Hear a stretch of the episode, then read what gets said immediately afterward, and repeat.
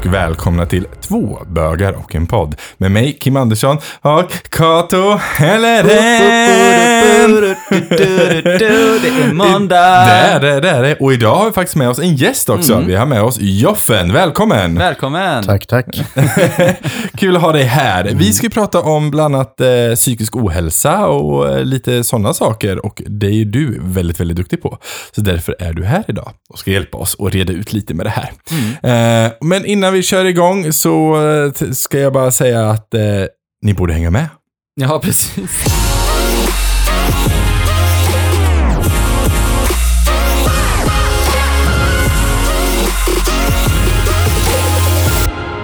Så, då så. Då kör vi nu. Eh, välkommen Joffen. Tack. Varsågod, välkommen Tack. hit. Jag tänkte så här. Trevligt att vara här. Ja, men eh, det, är- det är ganska Det är alltid en trevligt. fördel, känner jag spontant, att det är trevligt.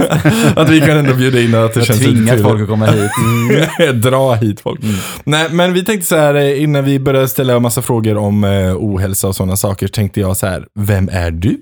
Jo, men, eh, Joffen heter jag, är eh, psykiatrisjuksköterska, eh, specialist i psykiatri då, som det heter.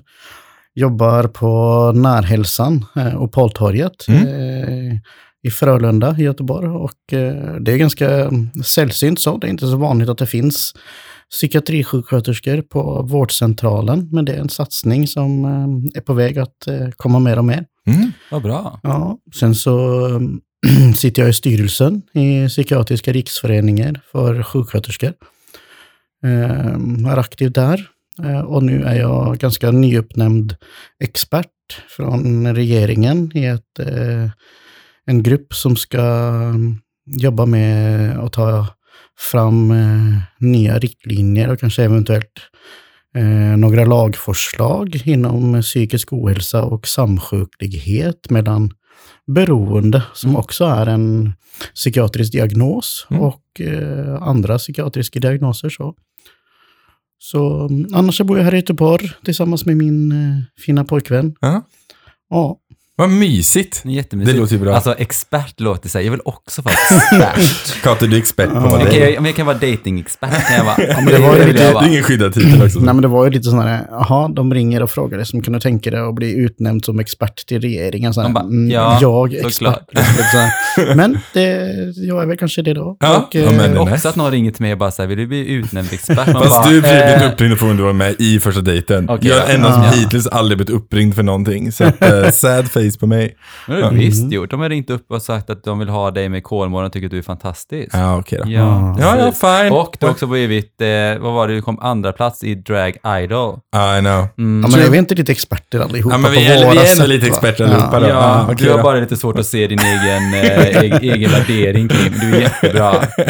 Vad fin. Men in, innan vi drar det igång så tänkte jag någonstans så här att en fråga som många ställer och som är väldigt viktig just det här med när det handlar om psykisk ohälsa är faktiskt så här, hur mår du? Så hur mår ni? Ja, hur mår vi? Jag mår bra. Mm. Jag, jag är lite trött. Eh, det har varit mycket jobb sista tid, men eh, jag mår bra. Du då, Kato? Ja, eh, alltså många är så här att man säger att man mår bra för att det är den här, den anpassade svaret att ge. Ja. Att man någonstans inte riktigt är ärlig med hur man mår, utan om någon frågar så här, hej hur mår du? Så är det så här, så här ja men jag är jättelåg och jag eh, känner mig inte alls bra. Nu känner jag inte det nu. Nu är det jätte, alltså jag, jag mår bra generellt, men Mm. många är så här att man, man vill liksom inte riktigt höra någon må dåligt. Nej. För man vet den här sociala eh, koden i det svenska samhället och kanske i många andra eh, länder är så här att man vill höra att allting är bra för då orkar man inte engagera sig i personen. Nej. Eh, det vet jag själv till exempel när vi gick igenom eh, lite tufft på jobbet när du skulle sluta till exempel Kim. Mm. Så fick jag väldigt mycket frågor från mina kollegor, men hur är det? För att du känner dig väldigt nedstämd. Och det var jag, och jag förklarade att jag tycker det är jättetråkigt att du ska sluta, Mm. eh, för vi jobbar så himla bra ihop. Men jag märkte också till slut att folk, det var inte vad de ville höra. Nej. De ville vill höra att allting var Allt bra. är så bra. Precis. Så Mm. då blir jag så att, då sa jag att nej, men allting är jättebra. eh, men det är det jag tycker är tråkigt och det handlar också om psykisk Mm. ohälsa, det här liksom att man orkar inte lyssna på om det inte är någon som inte mår bra. Ja. Men eh, Joffen då? du då Ja, Joffen? men det där är väl, det du säger där Kato, det är väldigt typiskt så. Och det är väldigt sån, som det ser ut i samhället idag, Mm. med, i den världen vi lever i. Mm. Eh, men jag mår faktiskt ganska bra. Ja. Eh, är väl kanske lite som Kim, ganska lite trött för tiden. Man har ju bytt jobb, eh, gått från att jobba på sjukhuset till Mm. att jobba på vårdcentral. Så det är massa nya rutiner och, och nya blivit datorsystem. expert för regeringen. Ja, men precis. Det låter faktiskt ganska Ja. tungt. Hashtag ja, unfabulous. precis. har väl inte lagt så supermycket. Vi hade faktiskt vårt första möte, digitala möte här i veckan. Ja. Men det blir ju mer som sagt. Men Ja. jag mår Mm. bra. Ja. ja, vad bra. Men jag tänker så här, när man, när man får den frågan eller ställer den Mm. frågan, ställ den Mm. frågan och verkligen engagera dig. Ja. Samma, alltså, om, om du är en kollega eh, eller en vän, liksom, Mm. ta dig faktiskt tiden Mm. och, och var ärlig, för att det, det kan faktiskt hjälpa till. Absolut. Jag brukar, när någon säger ja, men jag, jag mår bra, och så ser man liksom att, ja, men, är det så bra? Då brukar jag ställa frågan lite tillbaka, men Kato, vad är det som är bra då? Ja. Det var, men gud, alltså, ja, ställer du den ut till mig nu? Ja, ja. Vad är det som är nej, bra? Men, nej, men jag, nej, men jag tycker att det är bra för att alltså, någonstans i min relation Mm. med Niklas till exempel Mm. så, så mår jag jättebra i den. Mm. Och den hjälper mig att eh, faktiskt må bra i andra relationer. Mm. Till exempel att ja, men jobbet är ganska osäkert nu, till exempel med, alltså det är ju en pandemi.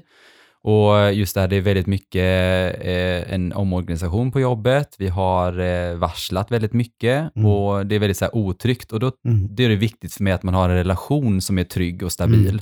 Och det hjälper mig att faktiskt ta mig igenom den. Så att Mm. det är bra. Mm. Det är vissa saker i livet som inte är bra, men det, väger, det bättre väger upp. Mm. Och, men bara en sån här sak, det var jättebra. Alltså vilken fantastisk fråga, vad är det som är bra? För då kan man faktiskt förklara och också säga att Precis. man inte alltid mår speciellt. Ja men jättebra, Mm. gud Ja. vilken, Mm. den, Så den, den, ska jag ta den, med den, mig. ja, och Mm. tips till er som Du lyssnar. då Att, Kim, vad är det som är bra? vad är det som är bra? det är att jag får göra det här med dig bland annat. Mm. Eh, och att vi får träffa fantastiska gäster som Mm. eh, Joffen till exempel. Mm. Nej, men jag tror det är viktigt att man också så här, inte själv, alltså när man får den frågan, att man inte bara autonomiskt bara säger det bara för att det Mm. är det man ska säga, utan att man så här, tänker till. Så man kan även tänka den tanken själv först. Så här, vad är det som gör att jag mår bra nu? Ja, Mm. men det är det här. Mm. Men jag tänker så här, det är många, psykisk ohälsa är det många som pratar om. Men vad menas med det egentligen? Ja, eh, det finns en stor debatt i media just nu om eh, Många säger att jag har så ångest. Jag känner mig, Ja. ja. jag har depression. Alltså, speciellt det som använder begreppet ångest. Mm. Eh, och då kan man ju skilja lite, lite på det här med, med vardagsbekymmer. Mm. Eh, och det är någonting som jag ser mer och mer, att liksom, ja, men, många söker sig för ting som man förr i alla fall var sådana ja, men, man har slått, gjort slut med sin partner eh, och, och man känner sig lite nere och så Mm. söker man sig till psykakuten. Inget fel på det om man, om man mår riktigt, riktigt dåligt, men Ja. jag upplever i alla fall att man använder kanske begrepp som ångest och psykisk ohälsa på kanske lite fel sätt. Eh, och samtidigt också det att man kanske många saknar just någon att kunna prata med. Man har kanske inte så nära goda kompisar, precis som du pratar Kato. Ja. Precis som man, när man, någon frågar hur mår du? Ja, men jag mår bra och så går man vidare därifrån. Eh, och då har jag liksom, jag tycker att psykisk ohälsa, jag tycker psykisk hälsa är ett väldigt bra begrepp att använda. Mm. Eh, just för det, liksom, då fokuserar man inte bara på det som är eh, sjukligt eller det Nej. som är dåligt. Liksom. Men, men prata om psykisk hälsa, men eh, mental hälsa kan jag också tycka är ett lite mer positivt laddat ord. För det, vi kommer tillbaka till det kanske lite senare just med stigmatisering och sånt. Men ja, vad är mental ohälsa då, eller psykisk ohälsa? Eh, det visar sig på för väldigt många, många olika sätt. Det kan vara allt för att man just har det här vardagsbekymret eller att man känner sig lite nere. Mm. Eh, till att man faktiskt inte vill leva längre. Som är Nej. liksom, eh, till att man har bestämt sig för att ja, men jag ska faktiskt ta livet av mig. Mm. Som är kanske den yttersta konsekvensen av, på den andra sidan av vägen. Liksom. Så, så det är allt, allt emellan där. Allt från att vara lite ledsen och deprimerad till att ha eh, ångest, mycket ångest, ångestattacker som man också tror att man ska dö, men som Mm. man faktiskt inte dör av. Det är bara Nej. fruktansvärt jobbigt. Eh, till att man, ja, som sagt, inte vill leva längre. Mm. Så det, Sådana ångestattacker, är det, är det något som har blivit vanligare? Det Är det är svårt att svara på funnits? så. Det har väl alltid funnits i olika sätt och, det, och det, det uttrycker sig på olika sätt också utifrån vilka kulturer vi kommer ifrån. Mm. Och det är också lite intressant för att eh, i vissa kulturer så finns inte psykisk ohälsa.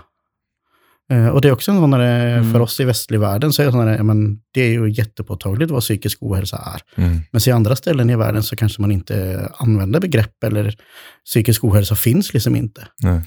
Eh, Jag tänker på mycket att eh, jag har haft en nära, nära anhörig som har varit, eh, alltså haft en psykisk ohälsa. Ehm, och då är just, just det här också att ehm, det har varit svårt för mig bredvid att se den här personen gå igenom det, för det finns liksom inte riktigt så mycket jag kan göra mm, eh, än att bara lyssna liksom, Mm. utan man måste någonstans komma igenom det själv och få hjälp då såklart. Mm. Men jag vet också att äldre generationer i omgivningen bara så här, men det är väl bara att bita ihop och gå till Mm, jobbet. Ja, mm. fast nu handlar det faktiskt om att faktiskt överleva. Det är så svårt för äldre Mm. generationer att verkligen sätta sig in i det och förstå det. Att det är så här, ja men för mig, att bara svara i telefon, för mig handlar det om att men jag kommer dö nu. Mm. Och det är så svårt för någon som inte har varit igenom det, för mig också. Det är Mm. jättesvårt för mig att liksom ha se den här personen, att inte liksom kunna, alltså vad man ska göra liksom. Jag har haft Mm. jätte, det har varit jättejobbigt även för mig också då. Nej, men psykisk ohälsa, alltså tittar man bakåt i tiden så är det klart att det fanns ju massa psykisk ohälsa förr i tiden också. Mm. När vi liksom jobbade sex eller sju dagar i veckan och så gick Mm. vi i kyrkan på den sjunde dagen. Vi var ju tvungna till det. va. Och man jobbade från solen gick upp till solen gick ner. Det- Och vi hade en period i Sverige och i Norge också där vi fick utbetalad typ en tredjedel av lönen i sprit. Ni kan ju tänka hur Just det, såg ut. ja, ja. Eh, och det gjorde, och då hade man ett sätt att döva sin ångest på, sin, och, och bearbeta det med, med drogerna, alltså med spriten förr i Mm. tiden. Självmedicinering. Eh, Liksom. precis. Oh så, det, så, det Det visste ju, inte jag så det är ju klart att eh, psykisk ohälsa har ju alltid funnits, men sen så har den synats på flera sätt. Ja. Och, och förr i tiden så var det så att tog man livet av sig så kunde, fick man ju inte bli begravd inne på kyrkogården. Eh, för Nej, det var nej. ju väldigt skämmigt. Mm. Så då fanns det en egen liten kyrkogård utanför kyrkogården som man blev begravd på. För det var ju inte bra att ta livet av sig. så. Bara det måste ju satt spår hos folk att de inte vågar ta självmord Precis. när de mådde så himla dåligt. Ja. Mm. Och idag så har det luckrats Mm. upp. Det är Mm. hemskt, man ska inte behöva ta självmord ändå, men det Mm. händer ju liksom. Eh, Men om vi kollar på statistik då i till exempel så här HBTQ, och, eh, fem år och lite så här mental ohälsa. Har det ökat och vad beror ökningen på i sådana fall? Mm. Alltså det finns ju eh, en del eh, undersökningar statistik. Eh, RFSL gör ju lite undersökningar, Socialstyrelsen gör ju lite undersökningar så. Men sen så händer ju inte det så ofta, så därför så är det svårt att få se hur det har utvecklat sig. Mm. Men vad jag har sett i statistik är att det har väl egentligen inte utvecklat sig så jättemycket, varken till det bättre eller det sämre. Mm. Mm. Och tittar man på det som är ganska... Det finns en ehm, eh, nationell folkhälsoenkät, eh, Hälsa på lika villkor då, som den heter, som görs av Socialstyrelsen. Den eh, tittar ju på de här olika skillnaderna och där kan man ju då eh, svara vilken preferens man har med sexuell läggning och sånt. Eh, och där visar det sig att eh, bisexuella kvinnor då har en, är kanske den högsta andelen eh, som har just, självmordstankar. Okej. Det är faktiskt en av fyra, uppemot 25 procent, som har självmordstankar av Mm. de bisexuella kvinnorna. Oj då. Eh, Medan hos eh, de bisexuella männen då, så ligger det på runt 18 procent. Medan eh, de generellt homosexuella tjejer och kvinnor är ganska lika, så där ligger det på runt 14 procent som har suicidala eh, planer och tankar. Så. Eh, Det är ändå ganska hög Hur ser det ut procent. med homosexuella män då? Ja, för, alltså, cirka, Ja, 14. cirka, cirka någonstans mellan 14 och 18 Okej, procent. ja, ja, ja. ja, Men det är, samma. ganska, det är Mm. samma som kvinnorna då. Eh, Men som sagt, det är de bisexuella kvinnorna som ligger värst till i statistiken. Mm. Eh, och det Vet man någonstans varför det är så? Ja, eller? men man, man, blir liksom, man blir fördömd i båda. Alltså man, eh, man får liksom, både bland de heterosexuella och de homosexuella då, så blir Ja. man, man blir dömd båda ställena. Mm. Ja. Så att det blir liksom lite dubbelt upp där. Liksom man känner sig inte hemma i någon av världarna. Liksom. Det blir nog lite en sån här, du vet, från den straighta sidan så blir det lite så här, ja ja men det är bara en fas. Och Mm. från, eh, och från, vad blir det då, gay-sidan blir det så här, ja fast du är ju inte riktigt gay Mm. för du ligger ju fortfarande med män. Mm. Men det Så känns det- ju fortfarande någonstans också så här att, alltså vad jag själv vet, alltså Mm. just det här vad man själv varit igenom är ju liksom att, alltså i porrindustrin till Mm. exempel, att vara alltså en homosexuell kvinna som Mm. har sex med en annan kvinna är ju jättehett för män. Mm. Mm. Eh, och då blir det, alltså den är ju mer, ehm, alltså ute i, Men, vet, men jag tror den är mer accepterad liksom i en fantasi. för män. Ja, för För män. det kanske är kvinnor som dömer, alltså Ja. heterosexuella kvinnor eh, som dömer de bisexuella kvinnorna. Jag vet att där. många, jag har ju vänner och bekanta som är bisexuella och de har ju alltid ett problem att de inte riktigt passar in någonstans. Om de bestämmer sig för att leva, om vi tar en, en bisexuell man, om, Mm. om han bestämmer sig för att leva med en kvinna, då är det så här, ja ja, men det var en fas. Och så var det inget mer än så. Eh, och så bara, ja fast jag tycker fortfarande om män. Mm. Och bestämmer sig för att leva med en man, då är det så här, fast du är bög. Fast, nej, jag tycker om kvinnor också. Nej, det gör du ju inte, för du lever ju med en man. Så att det är ju Nej, problemet. men placera folk i fack. Ja, det är du hela måste tiden. vara i facket, annars så kan det inte vara, Nej. du kan inte vara utanför det. Nej. Och det är ett ganska stort problem Mm. och det är därför jag gissar på varför just de bisexuella siffrorna ligger högre. För att de Mm. får liksom Ja. skit från båda hållen. Mm. Liksom. Vilket är också hemskt. Precis. Sen så är det ju så att eh, tittar man då på självmordsförsöken Mm. eh, så är ju de, eh, mönstret är likartat då med, med just det här. Så, och eh, där är det en statistik som jag tycker är helt fruktansvärt. Vi måste jobba mycket, mycket mer med i Sverige. Eh, och det är ju våra transpersoner. Ja. Just det. Ja. Eh, för där är det faktiskt så mycket som att eh, 40 procent av unga transpersoner har försökt att ta sitt liv. Alltså då, är nästan, också, då är det inte ens diskuterat, då är det alltså de har försökt. de har försökt, ja. Det är, Eh, varav vi då eh, eh, 57 procent har haft självmordstankar det senaste året av Nej transpersoner. men fy vad hemskt. Alltså, Eh, och, och det ser jag faktiskt i mitt dagliga jobb, skulle man kunna säga. Både när jag jobbade på sjukhuset och på vårdcentralen så träffar jag eh, transpersoner som håller på att genomgå ett könsbyte till exempel. Mm. Hur mycket de sliter med sin eh, psykiska ohälsa och sin identitet. Nu vill jag lägga till att det är faktiskt ganska många som mår bra också, så vi ska inte glömma dem. nej, nej. Eh, men vi måste bli bättre på att hjälpa de som Mm. inte mår så Mm. bra. Men vad, vad fint ditt jobb är ändå. Alltså jag blir så här, alltså vad, vad fantastiskt att det finns personer som du som ändå så finns där och hjälper dem och verkligen så här pratar med dem. Mm. Och att vi ändå så har en, visst jag vet att vi har haft lite eh, transpersoner som har besökt våran podd och så, och just det här också att vi har väldigt lång väg att gå även i Sverige. Eh, Vi har en väldigt lång väg att gå, det har vi.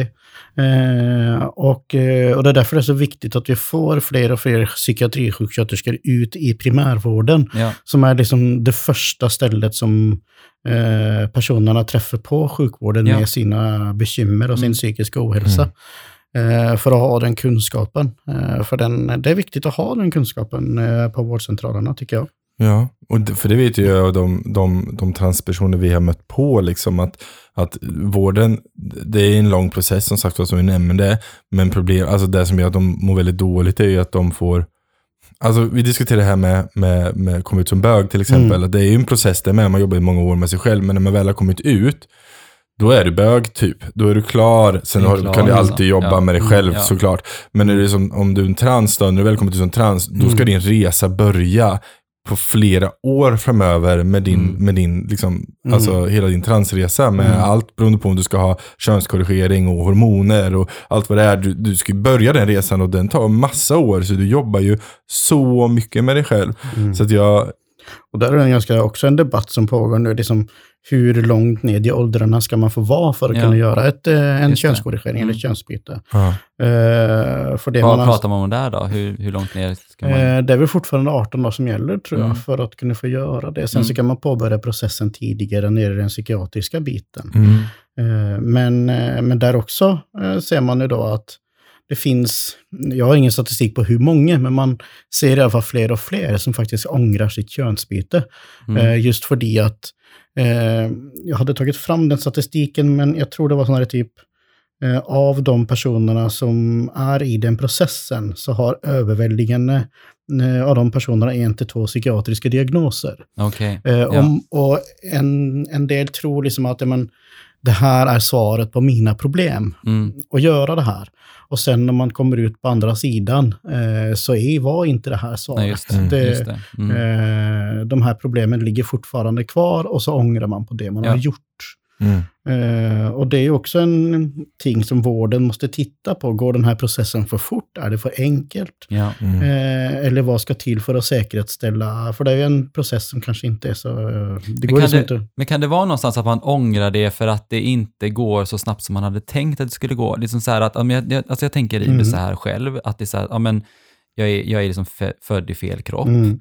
Nu börjar den här liksom transformation, alltså trans, vad säger man, transformationen? Mm. så? Mm. Eh, som att man ska liksom transformera sig till någon annan eh, den man verkligen är och man vill att det ska gå så snabbt och så går det inte så snabbt. Och Mm. någonstans tänker man så att man ångrar det bara för att man vill att det ska vara slut. Mm. Men den resan tar aldrig slut och det är kanske är det man ångrar. inte just att man ångrar liksom, jag vet inte. Nej, jag tror att, din könsidentitet, om du inte tillhör den kroppen du född i, så är du nog bara glad att få komma i rätt kropp. Men jag tror att många problem är, alltså det är mycket påbackningar runt omkring, alltså vad säger människor runt om? Är du, är du en som är pass, alltså är du en person Mm. som eh, smälter in i samhället Ja, och ingen ifrågasätter? Eller är du en som alla ser att du är trans och ifrågasätts för det hela tiden? Så du får ju ytter påverkning hela tiden i allt du gör och desto längre tid processen är, desto mer utsätts du för de här. Mm. Liksom. Eh, det är ju som, som eh, Kira vi hade Mm. här, eh, som har väntat nu i två år på att ens få börja sin utredning. Ja. Alltså det är en lång process liksom. Precis. Och är du säker på det, men det är som, som Joffen här säger också det här med att de här som kommer ut och sen ångrar sig, många av dem är ju grundläggande, är ju andra som problem som ligger, det är inte deras Mm, könsidentitet, utan nej. de har andra underliggande eh, behov och hjälp, hjälp egentligen. Och då blir det också så här, det blir så, det blir så svårt, och det som du säger Joffen där, att ja, man måste väl hitta någonstans ett sätt att antingen säkerhetsställa snabbare, varför gör man det här? Är Ja. det för könsidentitet eller är det ett underliggande problem? Eller så. Mm.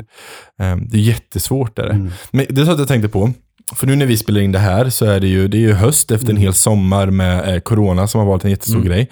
Har corona påverkat eh, den psykiska ohälsan eh, inom ja, hbtq men också liksom inom generellt? Eh, Inom hbtq så tror jag nog kanske den har påverkats på precis samma sätt som alla andra människor. Jag kan inte riktigt se eh, varför det skulle vara någon större skillnad på Nej. det. Eh, sen mer än att kanske...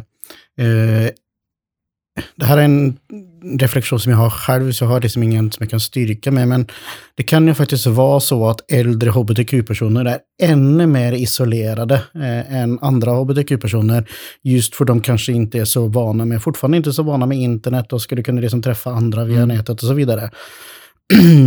och då är det klart att då blir de kanske ännu mer isolerade när de inte kan gå på ett café eller gå Mm. någonstans och träffa människor. För jag vet att RFSL är ett ganska stor knytpunkt för många Mm. eh, och där är- får man ställa in aktiviteter och sånt just för det att man Just inte det. kan ses. Ja.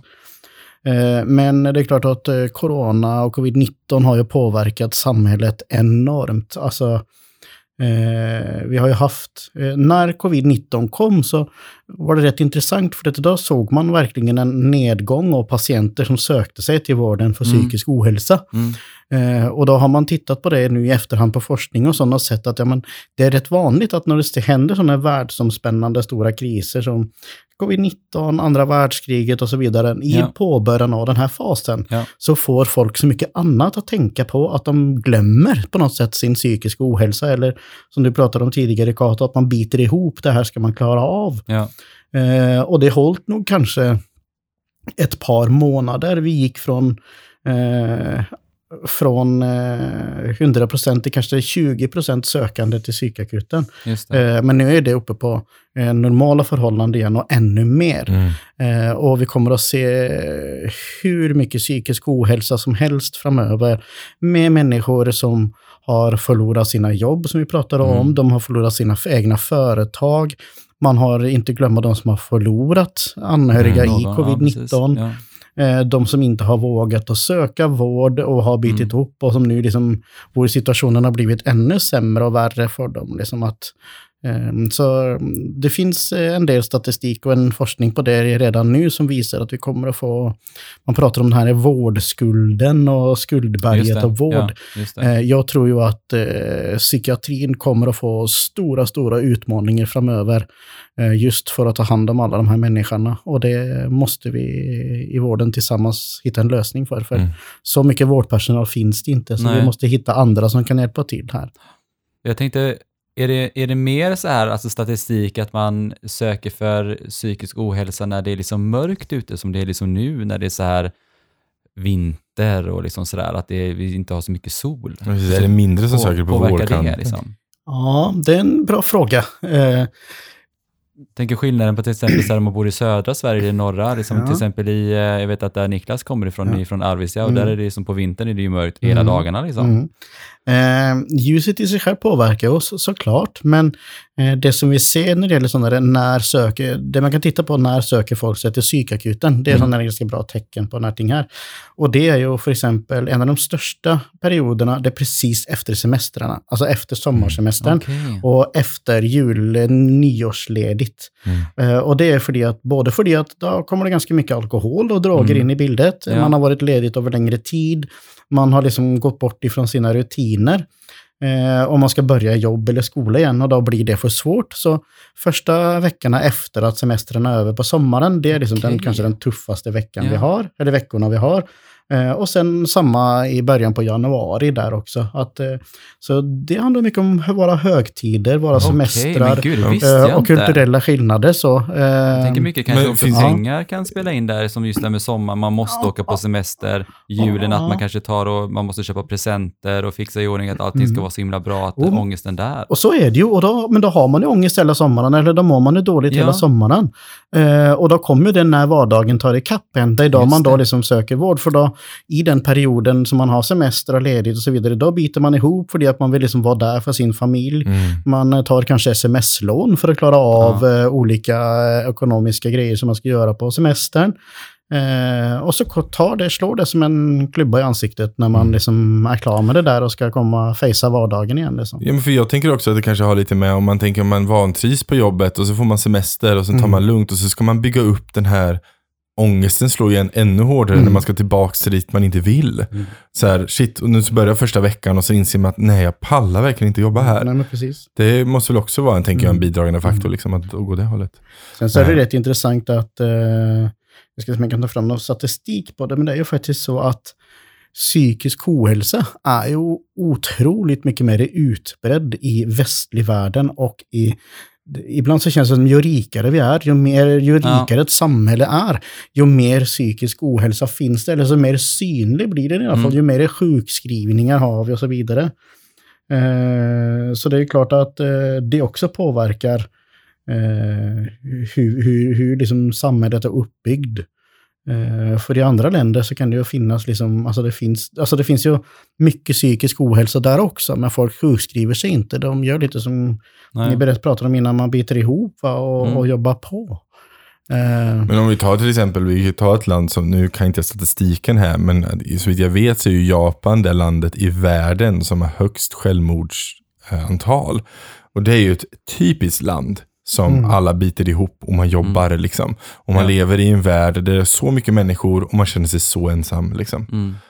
Um, så att det här biter ihop är kanske inte, det kanske alltid funnits uh, och ohälsa har alltid funnits men men det hanteras på olika sätt. Liksom. Men jag, jag, tänker lite så här, alltså, jag tänkte, för jag, eh, jag tänker någonstans här, mm. alltså hur ser man de här eh, alltså, tendenserna för att vara psyk, alltså på psykisk ohälsa? Mm. Eh, så jag tänkte lite, lite påståenden här nu, så jag bara mm. tänkte om eh, jag skulle svara, för att när jag tänker själv på psykisk ohälsa, liksom sådär, så har du och jag suttit och mm. klurat lite på de frågorna, Kim. Mm. Spännande. Eh, ja, precis. Men det här är också saker som, det behöver ju inte vara så här heller. Men Eh, men om du... Vi kan få dem bekräftade av Joffen här i alla fall. Precis, mm. som ändå är expert. Liksom. Men eh, du eller personer du bryr dig om eh, undviker sociala eh, kontakter. Ja.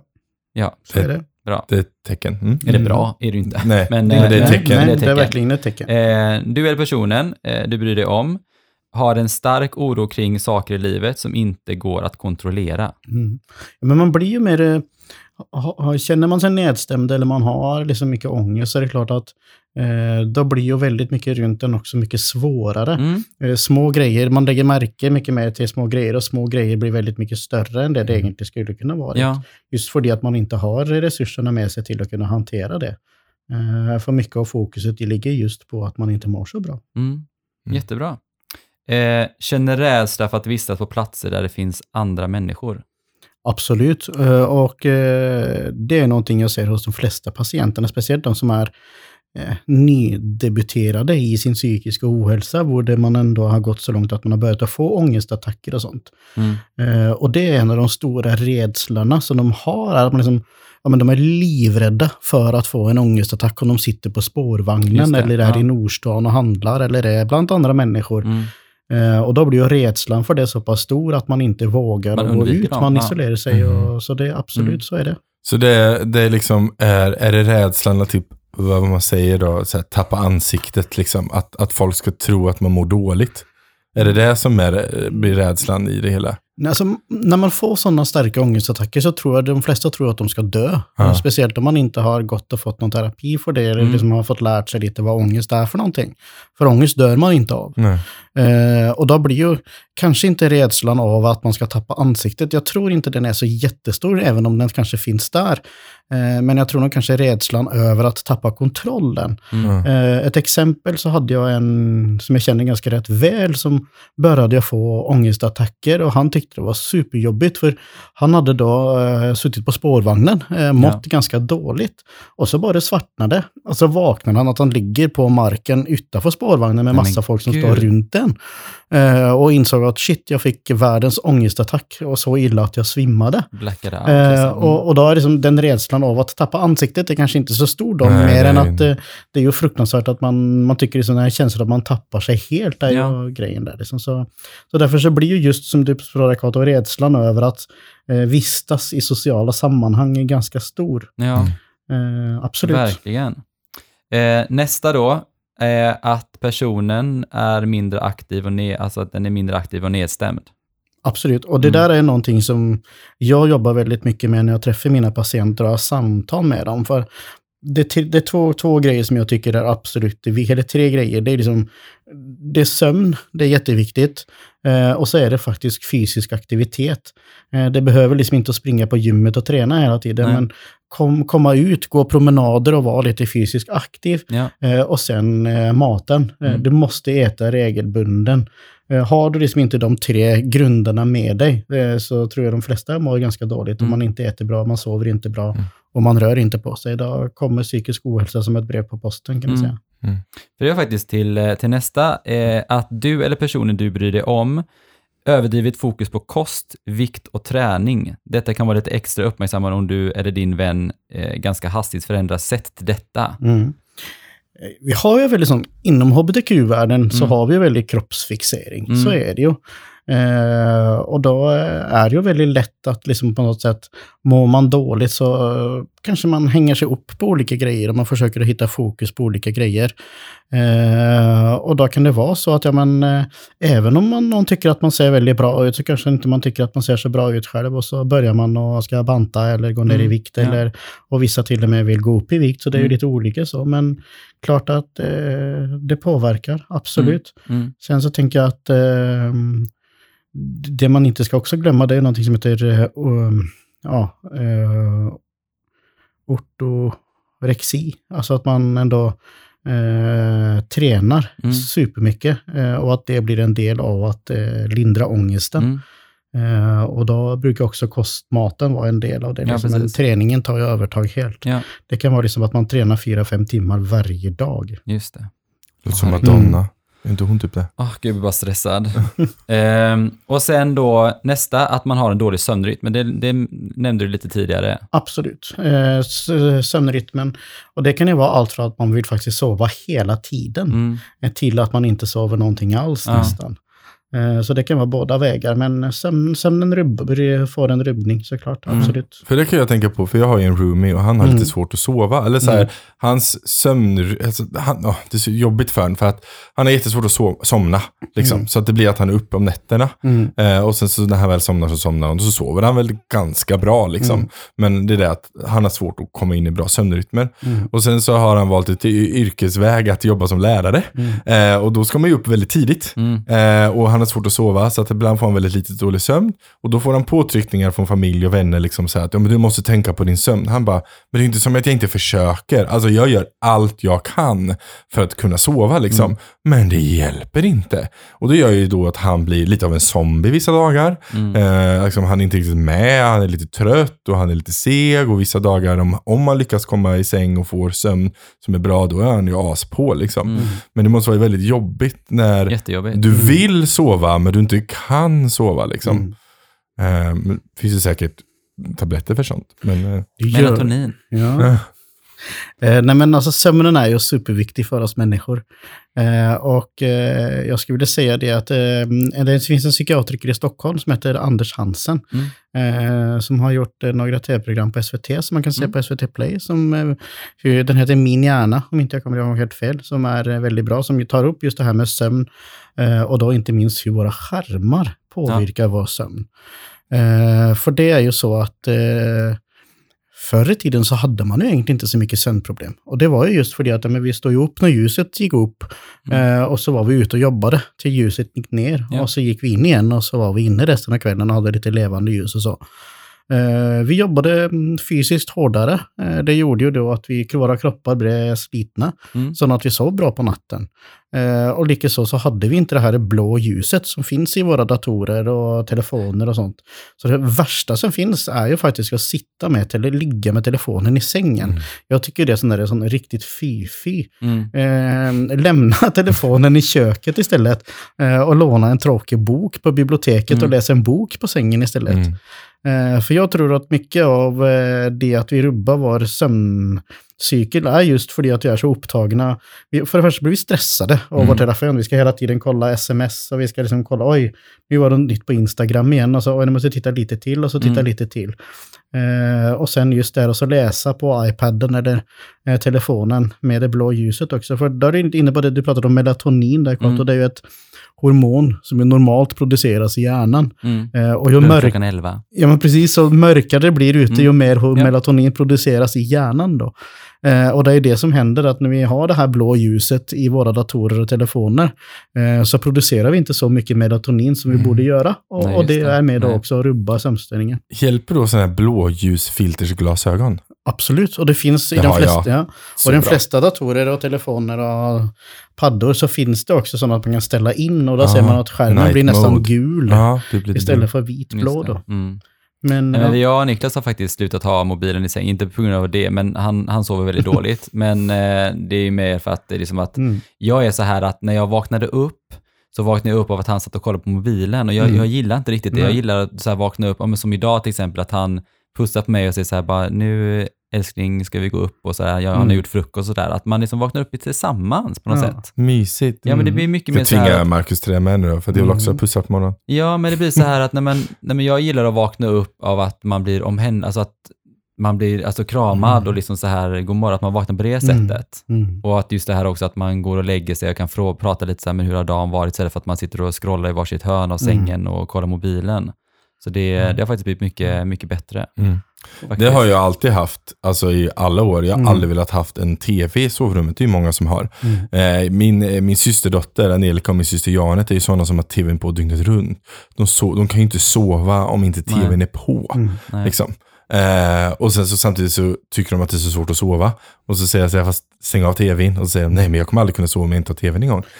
Så att det är också sån... Galet. Ja, men Ja, det, finns ju en sån här rolig grej. Om du sträcker ut armarna Kim, så långt du kan, så precis. Det är så länge det har funnits människor på jorden. Ska du, ska du gissa hur lång tid den här, är- kan det vara en och en halv meter du har här, hur lång tid det har funnits telefoner eller skärmar som jag har använt? Ja, det är inte ens tummen tror jag. Nej, det är typ två millimeter ytterst på den nageln där. Ja, ja, ja. Så länge har det funnits skärmar. Va? Och då kan man ju fundera på hur är våra hjärnor, för våra hjärnor har ju egentligen inte ändrat sig så jättemycket på den här en och en halv metern. Eh, det. och då kan man ju tänka liksom, ja men hur klarar faktiskt våra hjärnor av den här fruktansvärt stora liksom. Mm. alltså informationsflödet, Mm. ljuset. Ja. Alltså det är klart att vi blir påverkade. ja, det är sant. Och då kommer jag till sista frågan, som ändå var ganska bra. Att eh, eh, du eller den du bryr dig om då, att man spårar ur, inom situationstecken, för ingenting. Mm. Att det ska vara ett tidigt tecken på att man har hög belastning. Liksom. Ja, då, då kommer man på där psykiatriskt eh, term som heter emotionell instabil eller vad ska Mm, man kalla det, mm. ostabil eller Mm. vad du nu vill kalla det för någonting. Eh, och det är också rätt vanligt när man inte mår så bra. Det är Ja. att man kanske skriker upp, eh, man skäller på någon och så ångrar man det efteråt. För att det var ju inte meningen att du skulle skälla, just Nej. för att eh, man mår inte bra och då, Nej. då gör man ting som kanske inte alltid är eh, Mm. rationellt. Nej, så det precis. är också ett tecken såklart. Mm. Ja, och om vi tar de här, om man känner de här tecknen som jag påstår när vi gått igenom här nu, Mm. så här, men vad, vad, för, vad får en för hjälp och vem kontaktar man och hur går det till? Lite så här. Ja. Ehm, tyvärr så ser ju den psykiatriska vården väldigt olika runt omkring i Sverige. Ah, Mm. Eh, I storstäderna så är den ju såklart väldigt mycket mer utbrett än vad den är på kanske lite mindre ställen. Eh, och eh, det som jag skulle vilja skicka med det är 1177 som är faktiskt fantastiskt bra. Där finns det sjuksköterskor och det finns annan personal som är superkompetent Mm. som kan hjälpa dig att svara på frågor. De kan guida dig vidare till vart du bör söka. Mm. Så att du söker Eh, någonting vi jobbar med inom vården, att du söker på, eh, du söker på rätt nivå, alltså du söker rätt hjälp på rätt Mm. plats. Eh, känner man sig lite nedstämd över en längre period och känner att ja, men, det är ingen superkris just nu, men det är någonting här börjar jobba med, ja, men sök till din vårdcentral. Eh, prata med dem och säg att du, jag har inte mått så bra nu. Vårdcentralerna har oftast en psykolog. Mm. Eh, och sen eh, har man tur som det är på våran vårdcentral på Närhälsan och Paltorget så finns Mm. det då en psykiatrisjuksköterska och möjligheter till att kunna gå och prata med och eh, skapa ett slags nätverk för hur tänker man att man ska jobba vidare. Mm.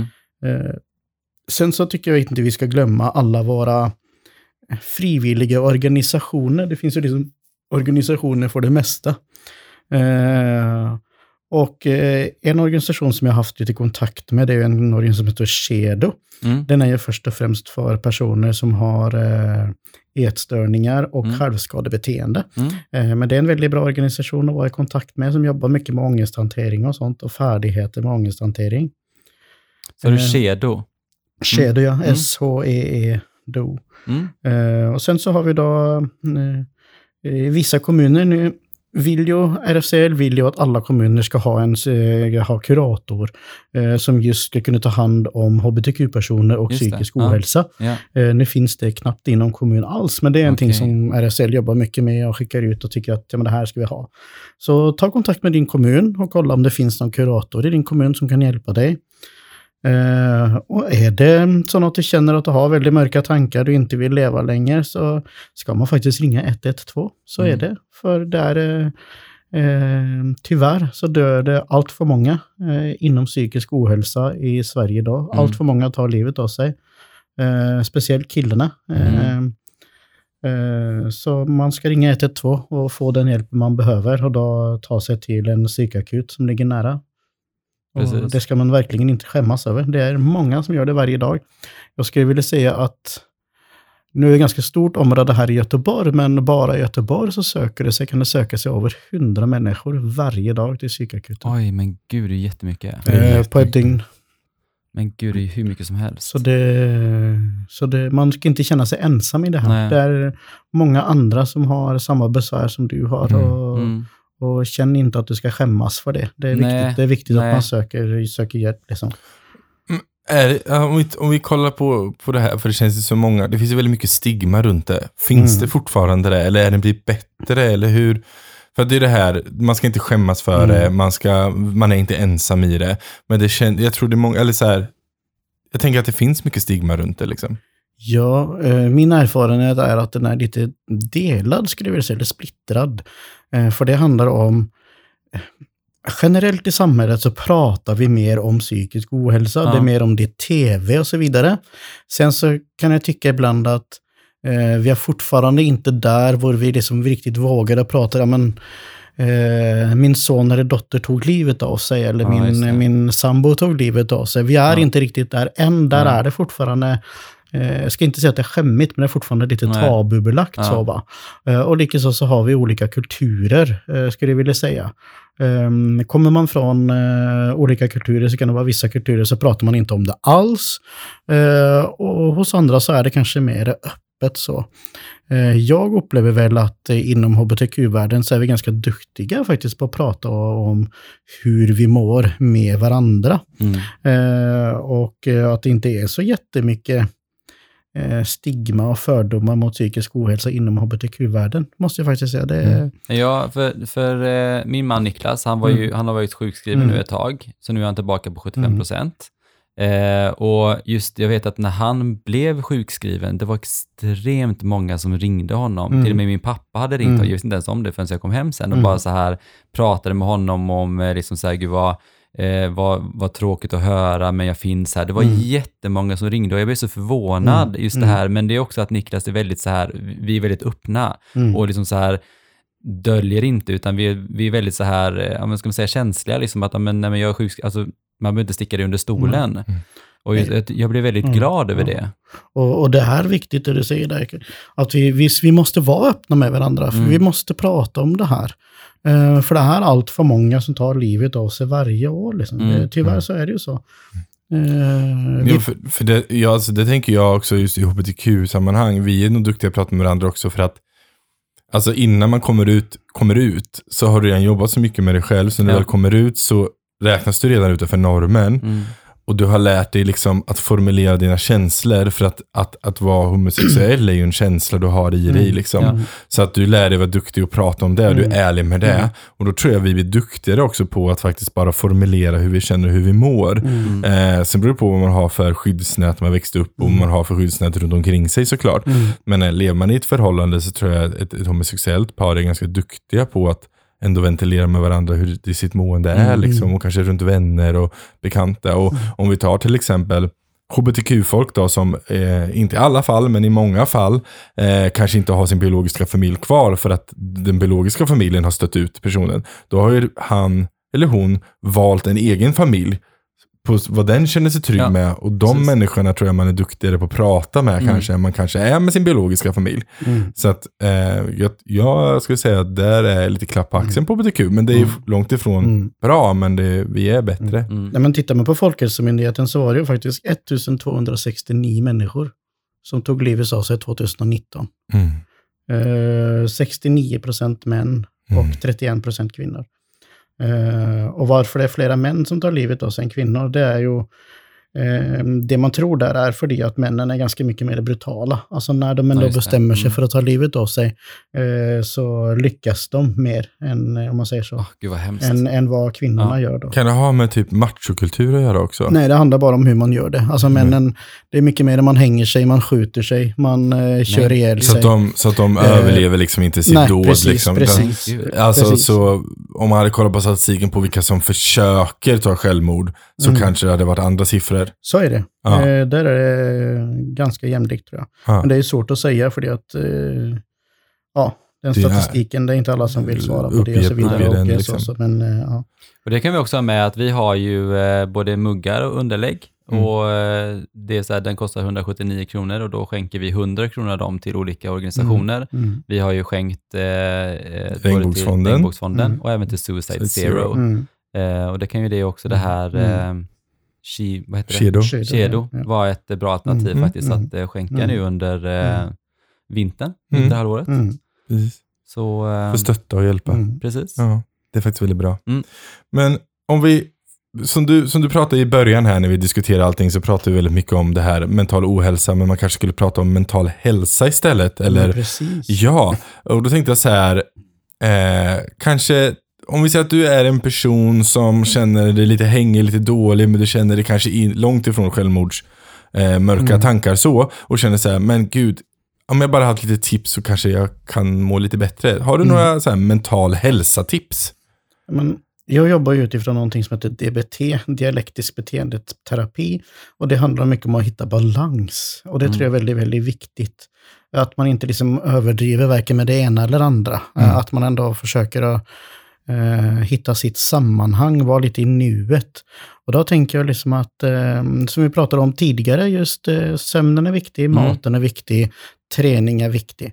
Eh, och jag brukar säga det till många patienter att liksom, Eh, Har vi inte de tre grejerna på plats så spelar det nästan ingen roll hur mycket mediciner du får. Nej. Nej. för det, att det är liksom så grundläggande de bitarna. Så jag tycker väl att ehm, rör lite på kroppen. Kom ut och träna lite, ska jag säga. Nej, men, men, men, precis Ja. som du sa också så här, till exempel det här med promenader, Ja, till exempel precis. det här eh, att man tar som att bara ta promenad ut i skogen och lugna Mm. ner sig någonstans Mm, där. mm. Men också det till exempel som du nämnde med eh, att det är väldigt många som söker sig till Mm. efter semestrarna och Mm. efter eh, jul och nyår för att det har varit mycket Mm. alkohol, att man kanske Mm. inte ska dricka så mycket alkohol. Ja, Liksom. precis. att man ska dra ner på det. Mm.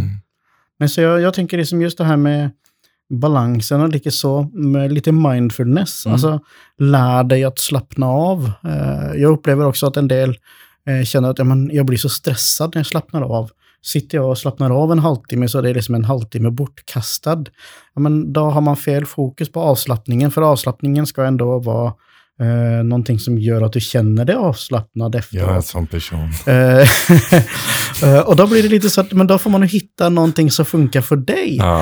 Eh, det finns ju liksom, hur, det är det vi kallar lite för färdighetsövningar. Alltså det finns ju liksom hundratals färdighetsövningar, Mm. men kanske det bara är någon få som funkar för dig. Jag menar, sitter du och andas i fyrkant och blir jättestressad, mer du andas i fyrkant, desto mer stressig blir du. Jag är Ja, som men, Kim. det är som Kim, ja precis. Ja, men då, är, men, ja. då är det en övning som inte funkar för dig. Nej. Då ska, jag har faktiskt hittat något som jag typ börjat gilla, för jag har skaffat en, en, en sån smartklocka. Mm. Och den har typ andas heter det. Så Ja. den kommer upp lite ibland per dygn och säger så här, hej, eh, vill du andas i en minut? Mm. Eller två. Och så klickar jag den och sen så vibrerar den till hur jag ska andas i Mm. två minuter. Och det har jag börjat göra. Och det, det, det är två vad minuter av mitt liv. Det går, Ja. det går ganska snabbt. Men jag märker att bara att lugna ner min andning, ta lite djupare andetag, så blir jag lite mer avslappnad. Mm. Så kan man ju säkert öka det så att man kan komma upp i högre. Men jag tänker man börjar, jag börjar där. Niklas är väldigt duktig på så här, att gå ut och ta promenader. Och jag, Ja, det är han faktiskt. Det har jag sagt. Och Men just det här att jag måste ha en tids, eh, eh, alltså alltså en så här tidsram heter det, på hur lång promenaden ska vara, annars blir jag stressad. Jag kan inte bara gå ut i skogen och bara gå. Det är så här, då, jag hade redan blivit stressad. Ja, men hur länge ska vi gå? När är vi tillbaka? Vad ska vi göra då? Men då kan jag tipsa lite om eh, Shadows hemsida där. Mm. För där finns det faktiskt en färdighetslista. Som man Okej. kan gå in. Det finns egentligen två färdighetslistor. Det finns en när du har mycket ångest, hur ska man hantera det? Mm. Eh, och en lista som bygger lite på just det här med eh, vad ska man göra före man får ångest? Hur du hanterar att föra så att det inte blir så svårt och jobbigt för en. Så gå in på hemsidan där. Nu är den lite sån där, som jag sa innan, att eh, den här organisationen har ju mycket fokus på ätstörningar och självskadebeteende. Eh, Men varför har vi självskadebeteende och ätstörning? Jo, det är för att ångesten blir så stor att Ja. det är det som man gör för att Precis. hantera sin ångest. Mm. Och då är det så att då är ju det här en ersättning, skulle man kunna säga. Mm. En distraktion eller en färdighet för att just att man inte ska självskada eller hamna i ätstörning då. Att man använder sig av de här färdigheterna istället. Mm. Eh, Och de kan man lika gott använda mot annan typ av ångest också, även Just om man det. inte har Mm. självskadebeteende eller Mm. ätstörning. Så jag tycker den är väldigt bra. Bra tips. Jätte, ja, verkligen. Gå in och kolla. Jag ska, lä- alltså för det märker jag Mm. bara att egentligen för min del att komma Mm. ut i naturen en liten stund hjälper mig att lugna mig. Jag känner mig Mm. balanserad och jordnära. Mm. Och det jag menar, jag känner väldigt många sådana här eh, new, new age tänkte jag säga, men sådana här som ja, men yoga, det ska vara, man ska åka på workshops för andning Mm. och sånt. Och jag tycker det är fantastiskt. De personerna kanske är någonstans på rätt väg, liksom det här Mm. med att lära sig balansera i livet. Mm. Eh, men så får inte det bli, ett, bli en grej, det är det enda du gör också, för då har Ja, du ju gått precis. för långt där Jag med. blir Och- stressad av yoga också. Ja, men, Jag så- säger så här, jag spelar tv-spel Ja. för att ner mig. Det tycker Mm. jag är så Du får ta härligt. skärmtid. då. Äventyrsspel liksom Mm. sådär. Men skaffa blå ljusfilter då. Mm. Mm. På det Men är det även på Ja. tv-apparater? Är det, Ja. på, är det Mm. på det tv också? Kan det vara om det är LED? Mm. Mm. Men sen så tycker jag en, en grej som vi inte har pratat så jättemycket om, som jag tycker också är viktigt att lyfta eh, som en grej när vi pratar liksom, ja men vad gör vi när vi inte mår så bra? Mm. Eh, och inom hbtq-världen så är ju destruktiv sex en ganska eh, vanlig Mm. grej. Eh, är man singel så försöker man att ha sex med någon som man verkligen absolut inte skulle tänka, tänka sig ha sex med. Okej. Eh, och söker då de, de personerna via appar och sånt. Eh, och använder just det som ett självskadebeteende. Det är också en ganska sån, eh, jag ska inte säga vanlig förekommande grej, men en ganska betydlig grej inom hbtq-världen. Så. Eh, och där är just de här färdigheterna och kunna hitta andra sätt att hantera sin ångest på väldigt, väldigt viktigt. Eh, så. Eh, och inne på 1177 Vårdguiden, går man in där så finns det då en flik som heter psykisk hälsa. Eh, och där finns det liksom hur många underrubriker som helst. Så gå in där och läs eh, vart man kan söka stöd om det hamnat i en kris, om det är orolig. Eh, och likaså våld i nära relationer. Eh, eh, så, och sorg, inte minst om någon har dött. Eh, och hur du kan göra en bra återhämtning från psykisk ohälsa. Mm. Så gå in på 1177 där och så kan du få lite tips där också. Jättebra. Och bara genom att vi pratar om det här nu också så kan det också hjälpa några, både närstående som kanske har någon person som Mm. går igenom en tuff, eller om man går igenom eller känner igen symptomen Mm. själv liksom. Mm.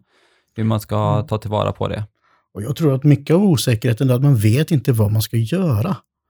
Eh, man är rädd för att, liksom, ja, man tänker mig säga någonting fel. Mm. Eh, eller gör någonting fel. Och jag tror inte att det är riktigt så. Nej. Man ska försöka, jag tror det är som är viktigt, att man ändå kanske skickar iväg ett sms och säger att eh, jag finns här om du behöver någon hjälp. Mm. Vi kan prata lite, bara vara där och visa att du är där för den personen tror jag är en ganska stor grej. Liksom. Kanske, kanske personen känner att ja, man, man känner sig väldigt ensam, man vågar kanske inte just att ta sig till psykakuten. Nej. Ja, men då kan det faktiskt vara du som är den som hjälper personen in i vården som säger, men du, jag ser att du mår riktigt dåligt nu. Mm. Jag hänger med dig, vi åker till psykakuten ja, tillsammans. men det, det är faktiskt bra. Eh, Eller vi åker till vårdcentralen tillsammans och så hjälper jag dig med det här. Liksom. Ja. Mm. Nej, men det har det. Jag vet också att vi har haft folk som har kontaktat oss och Mm. eh, jag och Kim har ju skrivit det att men vi finns här om det är Mm. någonting. Mm. Och du vet att det var en kille som skrev det att men det är första gången någon har skrivit det till mig. Mm. Och det är så här, vi känner inte varandra. Mm. Men jag känner ju som medmänniska att jag vill finnas där för Mm. någon. Liksom och, så där. och det är också så här, man blir lite ledsen att det inte finns någon som inte alltså, finns där för andra. Det finns ju jättemånga som är ensamma såklart. Eh, men då vet ni det också att ni kan alltid skicka ett sms till, eh, eller ett meddelande till mig och Kim. Mm. Så, så lyssnar vi och finns där för dig. Ja. Mm. Precis. Mm. Eh, det här var lite det. Eh, Lite jobbigt faktiskt. det är lite jobbigt, men det är också alltså, ett väldigt viktigt Ja, ämne. verkligen. liksom. Ja, det, absolut. jag är sjukt imponerad att du jobbar med det här varje dag. Ja, du, alltså det måste så här kännas så fantastiskt att du påverkar människors livsöden. Liksom. Ja, Men så är det ju, men samtidigt så ibland så är det ganska tungt jobb alltså. Mm, Mm. jag förstår Eh, det. det är, eh, man träffar, som du säger, man träffar väldigt mycket livsöden. Eh, och ibland så känner man någon slags frustration över att den här personen vill man ägna ganska mycket tid åt. Mm. Man vill på något sätt följa upp personen hela vägen. Man vill på något sätt ha raka spår vidare. Vad ska hända med den här personen Ja. vidare? Ja. Och det är ju lite det här, den här samsjuklighets... Eh, expertgruppen eh, ska jobba med just Mm. att se lite, för i Sverige så har vi ju två huvudmän. Vi har, eh, vi har kommunerna och vi har regionerna. Eh, och båda två tar ju hand om psykisk ohälsa på olika sätt. Mm. Mm. Eh, och då kan det vara väldigt fort gjort att man hamnar mellan stolarna. Eh. Mm. Speciellt eh, om, man har, eh, om man har en samsjuklighet mellan beroende och, eh, och andra eh, psykiska diagnoser så är det klart att eh, då har man liksom regionen, eh, sjukhusen på ena sidan och vårdcentralerna. Eh, och så har man kommunen med det de kan hjälpa till med, Mm. med eh, boenden, med Mm. behandlingshem och så vidare. Eh, och någonting som liksom knappt finns i Sverige eller någon annat land eh, som vi inom sjukvården verkligen, eller psykiatrivården verkligen saknar. Och det är liksom lite den här mellanvården. Eh, för förr så hade vi, och jag ska inte säga att vi ska tillbaka dit, för det var kanske inte något bra det heller, men förr så hade vi ju eh, mer institutioner där folk bodde hela sitt liv. Dit vill vi inte tillbaka. Nej. Men idag så är det sån här slu, psykiatrisk slutenvård idag handlar ju mycket om att man ska in på sjukhuset, eh, man ska sättas in på mediciner, man ska fixa den största krisen. Mm. Man är där kanske tre till fyra veckor eller två till tre veckor och så skrivs man ut och så ska man då antingen ha uppföljning via öppenvård eller via kommunen. Mm. Eh, och där fallerar det. Eh, vi ser ju att många personer klarar sig inte på de här veckorna. Eh, de åker hem igen, de går ner sig och så är de inne på psykakuten igen och så blir det en sån här ond cirkel. Istället för att veta att ja, men, den här personen skulle kunna ha jättegott av att komma på en plats ett halvår eller ett år Mm. för att få terapeutisk behandling, bli bra insatt på mediciner och vore också de anhöriga, som vi inte får glömma i det här, kan också vara en del av behandlingen, hvor de också kommer in och lär sig eh, olika sätt att kunna vara tillsammans med, med sin anhöriga och hur jobbar vi med det här tillsammans. Mm. Och det är någonting som inte finns idag och som verkligen saknas. Mm. Jättebra. Mm. Ah, Vet ni vad? Vadå? Tre snabba frågor. Ah, älskar tre snabba. Oh. Och efter de tre, ja, så det kommer gå ut så här, man ska försöka, om man inte är Kato då, svara ganska snabbt på eh, påstående ja eller nej, eller vilket man nu väljer. Så här. Folk älskar när jag Ja, det är du pratar så länge. Eh, så jag kör igång. Mm. Eh, och jag tänker, vi börjar med eh, Kato så går vi alla. Eh, Kato, Mm. eh, skogen eller stadsbruset? Skogen, Mm. definitivt. Joffen? Stadsbruset. Stadsbruset, Ja. du är en stadskille liksom. Ja. Ja. Även om jag är uppväxt på bondlandet så tycker jag väl att stadsbruset Mm. på något sätt låter mer eh, harmoniskt. Ja, för än- ni båda kommer från Norge. Ja, Ja. absolut. Det gör vi. Norske gutter, vet Ja, du. precis. Nej, men jag kan tänka, alltså jag kan någonstans tycka att, eh, alltså jag, jobbar, jag har jobbat i restaurang i 20 Mm. år. När jag, när jag jobbar som bäst jobbar jag med brus. Mm. När jag jobbar liksom, med Mm. mycket folk runt mig. Men när jag ska hitta liksom, mig själv och liksom hitta andan, då är det skogen. Mm. Gött. Eh, jag väljer också skogen. Eh, jag är sån bondpöjk så att det är inte sant. Jag gillar det. Jag tycker om staden, eh, men jag längtar, börjar längta tillbaka mer och mer till landet. Mm. Jag, vill, jag kommer köpa hus någon gång, så är det bara. Eh, nästa fråga. Mm. Eh, meditera eller träna fysiskt? Oh my God, inget. Nej men, eh, ah, meditera då säger jag. Ja. jag vill se dig sitta still tio minuter. Ja men, men jag gillar inte riktigt att träna heller. Alltså, Fast du är duktig, du gör ju det. Jo, jag vet. Jag Du gör simmar. det på grund av att jag måste för min rygg liksom, och då gör jag det. Mm. Men hade, jag, hade man eh, inte behövt det så hade jag inte gjort det. Mm. Många, jag är avundsjuk på de som verkligen säger bara, "Gud, jag älskar att träna fem dagar i veckan. Och bara du vet, träna hur mycket som helst. Mm. Det hade varit jätteskönt om man tyckte det var roligt, men jag Mm. tycker inte det. Nej. Nej. Mm. Joffen? Men jag- Egentligen så skulle jag vilja säga samma som Kato då. Eh, Men om man kan lägga till det tredje, mindfulness, Ja. och det är någon slags för meditering, så Mm. tycker jag väl det är ganska skönt att eh, lyssna på lite mindfulness-appar, lite Mm. Spotify-listor och Mm. kunna liksom försöka hitta lugnet i det faktiskt.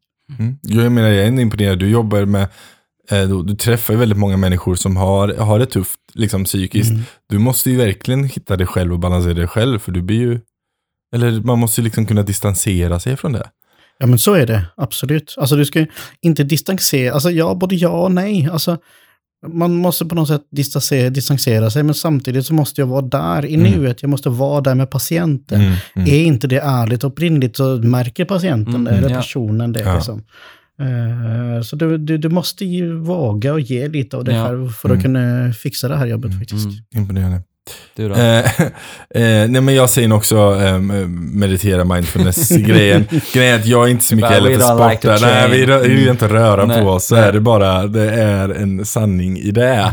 Eh, men, men samtidigt... Ja men precis, Ja. men samtidigt märker jag ju när jag är duktig och, och tränar regelbundet att jag faktiskt mår bättre. Ja, men det, ja, man mår ju Ja. bättre. Så Ja, är det ju. Kroppen är lite tröttare men den också är lite Mm, mer välmående. Hjärnan är inte Mm. riktigt lika distraherad och ofokuserad Mm. utan jag är lite mer fokuserad liksom. Men det är ju så, när vi tränar så producerar vi ju massa goda hormoner till hjärnan va, Ja. som är bra för oss, som gör att vi mår bättre. Hormoncocktail. Så Ja, lyssna precis. inte på oss, Nej. utan gå och ut och träna. gå ut och träna. meditera Ja, också. ja. Ja, jag båda två. Bra balans. Allt har med bra Men Men med balans. medan balansen, inte träna för mycket heller. Nej, nej, men Hitta precis. din balans. Hitta din balans. I min fall är det aldrig träna. Nej, men, nej, men jag måste, måste träna på det. Okej, sista. Mm. Ditt bästa eh, tips för att det är så här, mm, nu mår jag bra. Alltså det är någonstans att faktiskt hitta sin egen tid. Mm. Att eh, jag jobbar extremt mycket och har väldigt mycket saker eh, fix, alltså så här, att göra hela tiden. Eh, jag är alltid uppe i som 100 procent. Och någonstans så måste jag hitta tillbaka min eh, eh, liksom egen tid, sova, vila och bara vara själv och hitta energin. Det tycker jag är bra. Och inte dricka så mycket alkohol. Gött. Joffen? Alltså nu skulle jag kunna dra en sån här Florence Nightingale-kliché, men jag gör det lite ändå. För när jag faktiskt märker att jag mår som bäst, det är ju faktiskt när jag kan hjälpa andra. Mm. Och när jag ser att faktiskt det funkar. Mm. När det, som, eh, när det kommer en eh, mamma till vårdcentralen helt förtvivlad och inte vet vad hon ska göra med sitt barn. Mm. Och jag liksom på något sätt kan i inledningsfasen guida henne och vägleda henne till liksom, vad, är, eh, vad är rimligt, vad kan hon få hjälp, vad kan jag hjälpa till med Mm. och se liksom att ja, men det här var det bästa samtalet den här personen har haft på väldigt lång tid. Mm. Det skapar någon här riktigt super må bra hos mig faktiskt. Det är fint. Jättefint. Du har valt rätt yrke känner jag. Ja. Men man behöver, för vi har också haft det, några som har hört av sig till Mm. oss och sagt det, att men, det känns inte som om personer jag har träffat som hjälper mig att verkligen engagera sig. Nej. Men jag tror att om man jobbar med de här sakerna Mm. så är man verkligen, man är engagerad sådär. Men det handlar ju om, om att hitta rätt person för dig. Mm. Det är som att hitta en, en psykolog. Mm. Det är så här, alla funkar inte ihop med dig. Man Mm. måste känna, det är samma sak som att hitta en partner. Mm. man måste, nu är det ju bögarna, de tar ju vad som helst, nu ska jag bara. Nej, men, eh, det är bara, så länge du är, kille så tar vi dig. Men så är det ju inte. Utan det handlar ju om att man måste hitta rätt person som funkar. Mm. Precis. Um, mig är det nog, ehm, jag är också väldigt social, jag träffar väldigt mycket människor, så för mig är det nog när jag inte gör det. Alltså de här stunderna, det kan räcka med tio minuter, eh, hålla på med mitt skägg på morgonen och bara vara i mig själv och fundera och filosofera. Sen har jag en klassiker som jag använder när jag behöver tänka och det är att jag tar ett långt bad. Mm. Eh, jag eh, trivs som bäst. Ehm, inga mobiler, utan jag, Mm. ett varmt bad och jag kan ligga där i typ en och en halv timme och bara tänka. Men gud, det måste se ut som ett sådär litet Russin. jätterussin. Jätterussin, liksom. jag är ett jätterussin. Jag har dessutom typ, min hud verkligen tycker inte om vatten så jag blir verkligen Alltså, extremt så russin. roligt. Jätterussin. Jätterussin är jag. Nej men så det är bra, ett bad för mig och det är, vatten generellt- sett är väldigt lugnande för mig. Ja. Mm. Så det är därför jag till exempel, till exempel om jag, ehm, jag, jag kallar det för badusch. Mm. Eh, det är egentligen hur jag gör det, att jag typ sätter mig i tomt badkar och sen duschar jag upp badkaret. för jag tycker om ljudet av det polande vattnet, det får mig lugn liksom. Men Eh, blir du inte kall när du ligger där som helt näck i man, badkaret? värmer, Liksom? man värmer sig med duschen. Nej, men det är jätteskönt. Det, Ja, det, men du ska göra det som du ser rätt för dig. Ja. Ja. ska inte jag dra ner på det. Liksom. Jag bara, hallå? så så är det. Men eh, tack så jättemycket för att du kom hit. Ja, eh, och tack och- för ett jättebra samtal. Ja, Mm. tack för det jobbet du Ja, men gör. var trevligt att komma hit. Om jag skulle få liksom säga en liten grej på slutet här. Ja. Ehm, kan ni ju tipsa om min eh, D-uppsats. Ja. Ja. Eh, för den är ju verkligen, handlar ju om det här. eh, Mm. Och det är ju hobbytyck. Den heter, den kan man hitta på en, något som heter divaportal.org. Där ligger hela D-uppsatsen i eh, fullversion. Och den heter HBTQ plus-personers upplevelser av bemötande från sjuksköterskan inom psykiatrisk vård. Det var bra. Och den handlar ju just om hur, jag har intervjuat ett gäng eh, personer som definierar sig som hbtq-personer och vad som är viktigt för dem i bemötande eh, i vården och psykiatrin. Eh, så att man kan få lite tips och tricks om där både hur man ska söka, vart man ska söka och hur ett bra bemötande skulle kunna gå till. Det kanske finns lite igenkänningsfaktor för Precis, en själv där precis. också när man läser den. Mm. Jättebra tips. Jättebra. Så inget, divaportal.org. Mm. Ja, Och så kan in man söka på Joffen där. Ja. Det är ju inte så jättemånga som heter Joffen, varken i Norge eller i Danmark. Nej. Så söker man typ Diva Joffen, alltså jag Ja. såklart. Så, Search famous. precis. Hashtag så får man, så får man, ja men precis, så får man upp den eh, uppsatsen. Ja, bra. ja, men fantastiskt. Mm. Eh, ja, för att få tag på oss, eh, mig och Kato vid det här laget känner ni säkert igen, men jag heter kim.r.andersson på Instagram och vad heter du Kato? Jag heter Kato Helleren. Jajamensan. Och Inte jag, heller jättevanligt faktiskt. Nej, det är inte jättevanligt. Det finns, det of Sweden, liksom. Det finns en person till, jag, jag har sagt det va, som heter Kato Helleren i Norge. Asså? Alltså samma. ja, det är helt sjukt. galet. Jag Ja. fick hans eh, mopperäkning en gång. Ja. Men Joffen, du är inte så mycket på Instagram, men du är ju Nej. Twitter. Precis, och där är det ju eh, twitter.com snedstreck joffenclaven då, som är hela mitt namn. Yes. Annars så kan man gå in på min hemsida också, joffen.se. Ja. Där finns det också länkar till eh, lite olika grejer och min Mm. hemsida. Jättebra. Joffen.se. Mm. Jag vill också ha så här kato.se. ja. Nej, Kato, vi ska Och är det någon som liksom känner att eh, ja, de vill mejla och ställa en fråga så finns det möjligheter för det. Ja. Eller skriva på Twitter, adda mig på Twitter. Mm. Jättebra. Återigen, tack så mycket. Och du som lyssnar, vi älskar dig. Ja, det gör vi. Ha det fint. Kram, hej då! Hej då!